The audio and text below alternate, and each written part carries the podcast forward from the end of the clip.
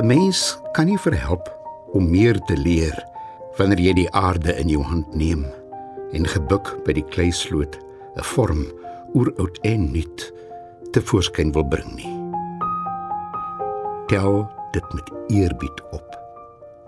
Dit is rou klei met miljoene vingerafdrukke op.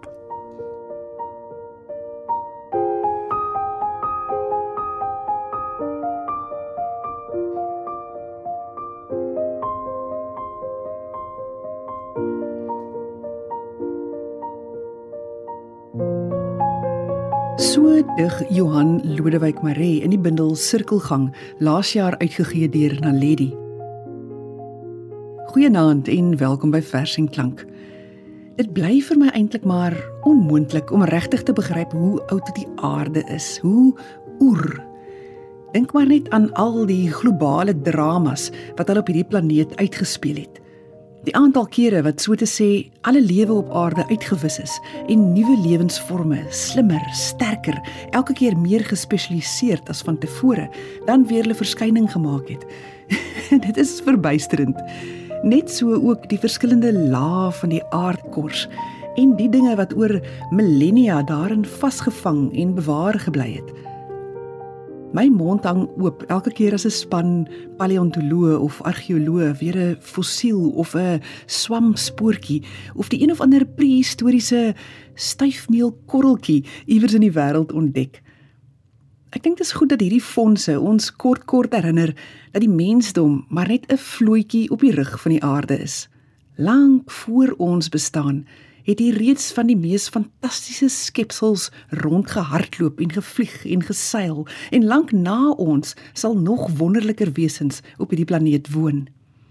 Hoewel die slim mense voortdurend al hoe meer oor die aarde se oerdiere te wete kom, is hierdie spesifieke veld van die wetenskap waarbinne fossiele geklassifiseer word eintlik maar nog bitter jonk. Trouwens, die ander dag lees ek iewers 'n berig raak oor hoe die heel eerste genus van dinosourusse wat formeel benoem is, die Megalosaurus of dan nou Groot Akedus, maar so onlangs as van dese maand 200 jaar gelede sy naam gekry het. Dit was 'n geologieprofessor aan die Universiteit van Oxford, ene William Buckland, wat die reusagtige beendere wat in 'n leigroef daar naby gevind is, so gedoop het. Interessant genoeg het die begrip dinosaurus toe nog nie eens bestaan nie. Die woord sou eers 18 jaar later die eerste keer gebruik word. Vanaand neem ek en die voorleser Johan Nel jou op 'n ontdekkingsreis terug na die verre voortyd. Al die gedigte in hierdie uitsending, sowel as in volgende Dinsdag aand se vers en klank, handel oor die diep geskiedenis van die aarde en die merkwaardige kreature wat ons vooraf gegaan het. Hoe hulle deur evolusie probeer byhou het, probeer oorleef het. Eerste aan die beurt is 'n gedig deur De Waal Venter uit sy 2021 bundel Vrugbeginsel, uitgegee deur Naledi. 'n Mens kan dit seker lees as 'n vers oor daardie oomblik waarin lewe verwek word, maar dit vertel ook iets van hoe alles wat lewe eintlik onstuitbaar is en die ganse skepping oomblik na oomblik maar net aanhou vorentoe beer, aanhou floreer. Verwagting Vroeger vanoggend het die lewe oopgeplooi. Kroonblare wat wegvou van die vrugbeginsel, oop vir die son. Ongesiens in die donker het selle my hoeties van mekaar geskei. Een van hulle gaan 'n mens help maak. Vroeger vanoggend het dit alles gebeur en dit is nog aan die gang gebeure drom saam voor die toedeure van die komende sekondes. Die gedig het my laat dink aan 'n vers van Ina Rousseau uit haar 1970 bundel Taxa, uitgegee deur Iman en Rousseau. Dit gaan oor 'n virus wat indien sy klimaat gunstig is, ook maar net sal aanhou en aanhou lewe. Virus. Land waarin ek gedei, skenk aan my asiel. Duld my. Laat my my taak binne jou grense vervul. My dors by jou kuile stil, my kos uit jou korwe haal. Kyk hoe is ek in staat tot kragtoere in jou klimaat.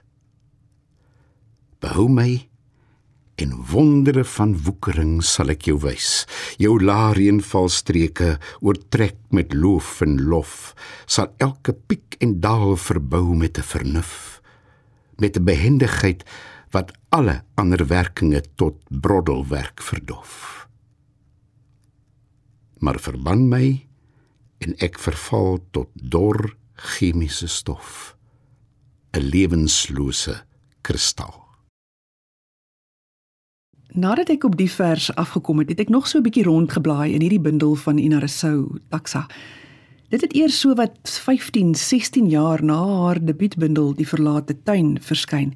Oor die lang verposing tussen bundels het sy eenmal in 'n onderhoud vertel, ek het so baie geleef in daai tyd. Toe ek my weer kom kry, is ek getroud en toe ek 'n kind. Toe woon ek in Zimbabwe wat 'n totaal ander wêreld is waar ek feitelik geen kontak met Afrikaanssprekendes gehad het nie. Daar was geen sielsgenote nie, behalwe my man. Alles was totaal anders. Dis dan ook geen verbasing nie dat ons in Taxa heelwat gedigte aantref wat oor die verhouding tussen man en vrou gaan. Die twee openingsverse beskryf hoe die liefde, ongeag die omgewing waarin dit afspeel, steeds dieselfde sal bly. Sy gebruik die mooi metafoor van 'n korsmos Jy weet 'n legeen, daai kleurvolle skilferigheid wat jy reg oor die wêreld in die mees uiteenlopende habitatte op boomstamme en rotse sien groei. Want 'n korsmos is nie een ding nie, dis eintlik 'n organisme saamgestel uit 'n swam en 'n alg wat in 'n wederwysig voordelige verhouding saamleef. Maar Johan, ek dink hierdie twee gedigte kwalifiseer tog ook vir vanaand se tema, met dit dat korsmosse beskou word as van die oudste lewende organismes wat vandag nog met ons is. Sal jy dit vir ons voorlees asseblief? Kosmos 1 Lewenslange verbintenis swaar van betekenis van die alga met die swam. Wie sou ooit kon torring aan die samestel van hierdie tapisserie waarvan die oorsprong onnaspeurbaar is? Sou die drade van die vlamkleurige diggewefte weefsel kon ontwar Waar eindig, waar begin, waar die alga, waar die swam? Broos en wasig, haas onwesenlik sou hulle wees afsonderlik. Week teen teenkanting, teen die ondermaanse koudheid naak.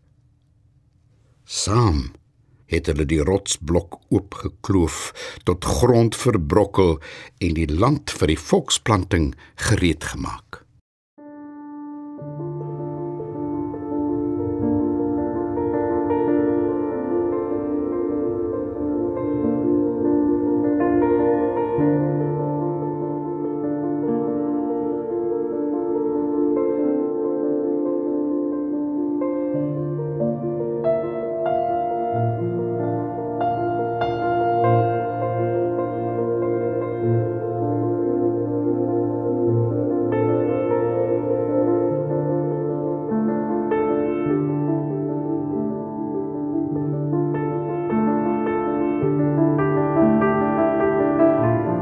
Kosmos 2. Kyk hoe hou hy die huis se struktuur in stand. Hou hy byderhand die hamer in die tang om daglank te ondersoek en te herstel, te verstel, te herstel, te verstel, te herstel. Draai hy skroewe vas, draai skroewe los. Vang hy die reënwater op met 'n ingewikkelde stelsel van bo- en onderaardse geute. Bakke kanne opgaar tanks. Draai skroewe vas. Draai skroewe los. Kyk hoe hou sy die huis se vure in stand. Hoe stip berei sy die kos. In glase gestreke van ys in die tropiese moeras op pieke van die mees onherbergsame gnys deur almal gevrees sou hierdie huishouding presies dieselfde wees.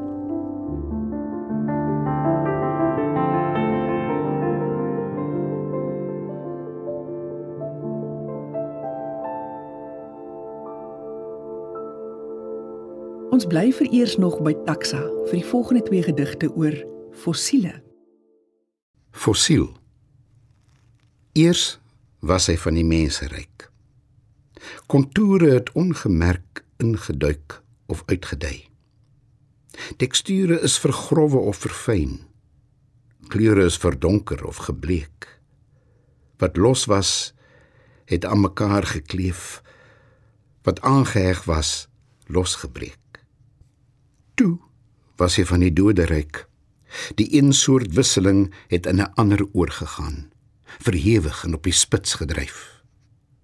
Plasma het lug geword, been steen. Elke stof het in 'n ander digter of ligter stof verander. Nou is hy van die minerale ryk. Sy omvorming is volvoer. Sy vervolmaking afhandel. Hy sal nou nie meer ontwikkel. Die ernstige spel is uitgespeel. In die museum woon hy in sy glaskas, pralend soos 'n kroonjuweel. Hy is onaantastbaar. Met voeloë bewaak die opsieners sy status quo.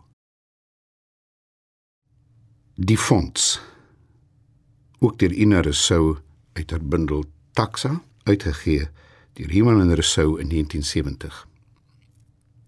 Nadat die professor die fossielvis betrag het, die swaar pote met kloue, die eisterharde harnas van draakskubbe waarin dit gevaar het deur gevaarlike see soos in 'n pantserskip, die kuwe van klip kwellend en getand soos gaffels het hy die pens oopgesplits. Binne-in het hy gevind fragmente van kakebene, vinne en vier volledige oogappels. Jy is ingeskakel by Vers en Klank saam met my Sofia van Taak en vanaand luister ons na Johan Nel se voorlesings van gedigte oor hoe oud die aarde eintlik is en oergoed soos fossiele wat deur opgrawings ontdek word. Johan, wat is volgende? Argeoloog deur Ernst van Heerden uit sy bundel Die swart skip uitgegee deur Tafelberg in 1985. Dit lyk na 'n waarskynlike terrein. En inderdaad, na al die dolwe word weldra ontmasker skerwe van kruike, loodborde, speelgoed, artefakte in oordaad. Maar die oopvlekking berg 'n verrassing in die versteende lijk. Soos die geduldige kappers om bloed lê, gryns daar holoogig en kliplippig my gelaat. Neanderdaal deur Johan Lodewyk Maree uit sy bundel Sirkelgang uitgegee deur Naledi in 2023. Uit die grot van La Chapelle-Saint kom fragmente van 'n gedig tot stand wat bestaan uit stukke been, werktuie en die oorskiet van hulle binnegoed. Lank terug het hulle stemme wegwaai oor die wye uitgestrekte landskap. Die handgebare getaan en skadu's op die aarde sonder spore verdwyn. Want oor duisende millennia heen het hulle stilweg in my weggeraak.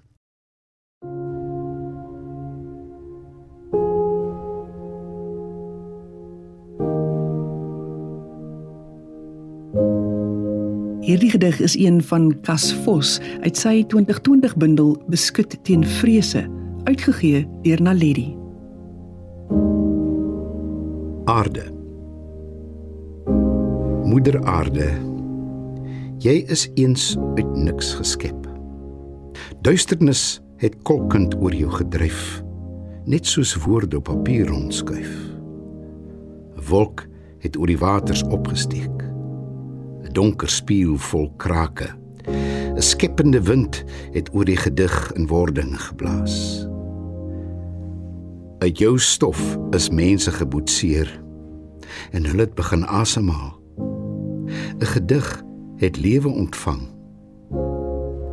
Jy is verruk as reën jou streel en saad in jou baarmoeder stort. Water wat in jou are klop, borrel soet lafenis uit jou mond met diep verlange roep jy ons terug. Kom lê in die soeye van my binnegrond. Ons sal eendag weer verkrummel tot stof. Oorlopends bring 'n gedig nou aan jou lof. Johan sluit vanaand vir ons af met 'n uittreksel uit Antjie Krog se gedig Tydspad deur die tuin. Dit het in 2022 by Human en Resou in haar bundel genaamd Plunder verskyn. Skakel gerus volgende Dinsdag aand weer in. Ek en Johannes dan terug met nog pragtige verse oor die oertyd. Tot dan, 'n mooi week vir jou. Tydspad deur die tuin. Om die tydspad te stap is om te begin met die meteorietfontein. Die sonstulpings, die gesmolte aarde verwarrend aan die glasblaserpyp. Toe alles moontlik was en so verskriklik onmoontlik. Die giftige lug begin taan. Die eerste lig kiert.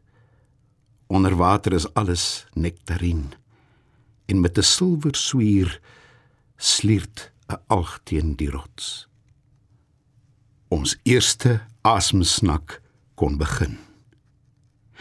'n Waslaagies tomata hou jaloers die water binne. Kwets koolstof vir suurstof. Pasgemaakte seleemspiertjies pomp die water na bo. Vloeiem vriendelikheid sprei. By ingedryf hou die geen mos alge vier na in die beek. Die maan is in posisie en koer teen die aarde aan luisterend na die asem van boergrond, die gefluister van wortels en spreek so alle honger ewigdurend aan. Die hoogveen huil met 'n vryval van spore, dit sproei, dit sif, dit ontkiem, dit fotosinteer. Die aarde trek groen uit die are van alge deurdrenk met wolfsklou, dewermos, varings met spoorhoopies spiraalvormig opgerol. Toe word dit koud. En eers prut naaldbome, palmvarings, gingoes, plante word dikker en hoër, die saad versprei op wind, op water. Aanverwante antropodes skroef hulle horings vas larwelegioene verskyn uit bogtige gange. Hier kom hulle. Ons eerste strydmakkers, die honderdhandiges. Ons held, die watervlugge vis, word uitgevleem op oppervlakke fynere sand, grower as leem. Dit ploeter uit op vinne en versterk die ribbes.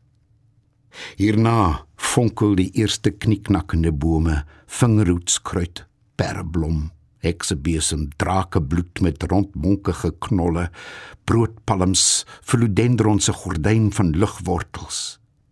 Ag, en dan breek die blomme aan. Ons ewige aanminniges, soos geskulpte hande sit hulle vol geheime aan die stengels. Een vou open ademlose, onvolprese, deursigtige porselein. En so word ons onbewuste oopgemaak deur bewaasde wy. Purpervye en die bodemlose impuls van magnolias. Graslande verknibbel en knaag en pluk.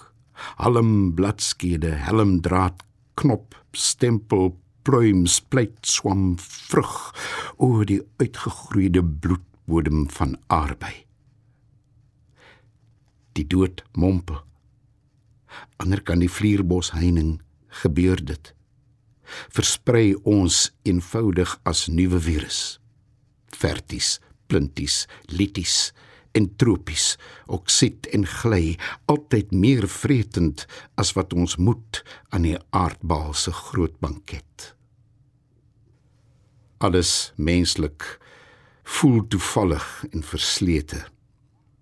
Verlaten fontein heuningsnes kloof, brakspruit, abjaterskop, eensaamheid.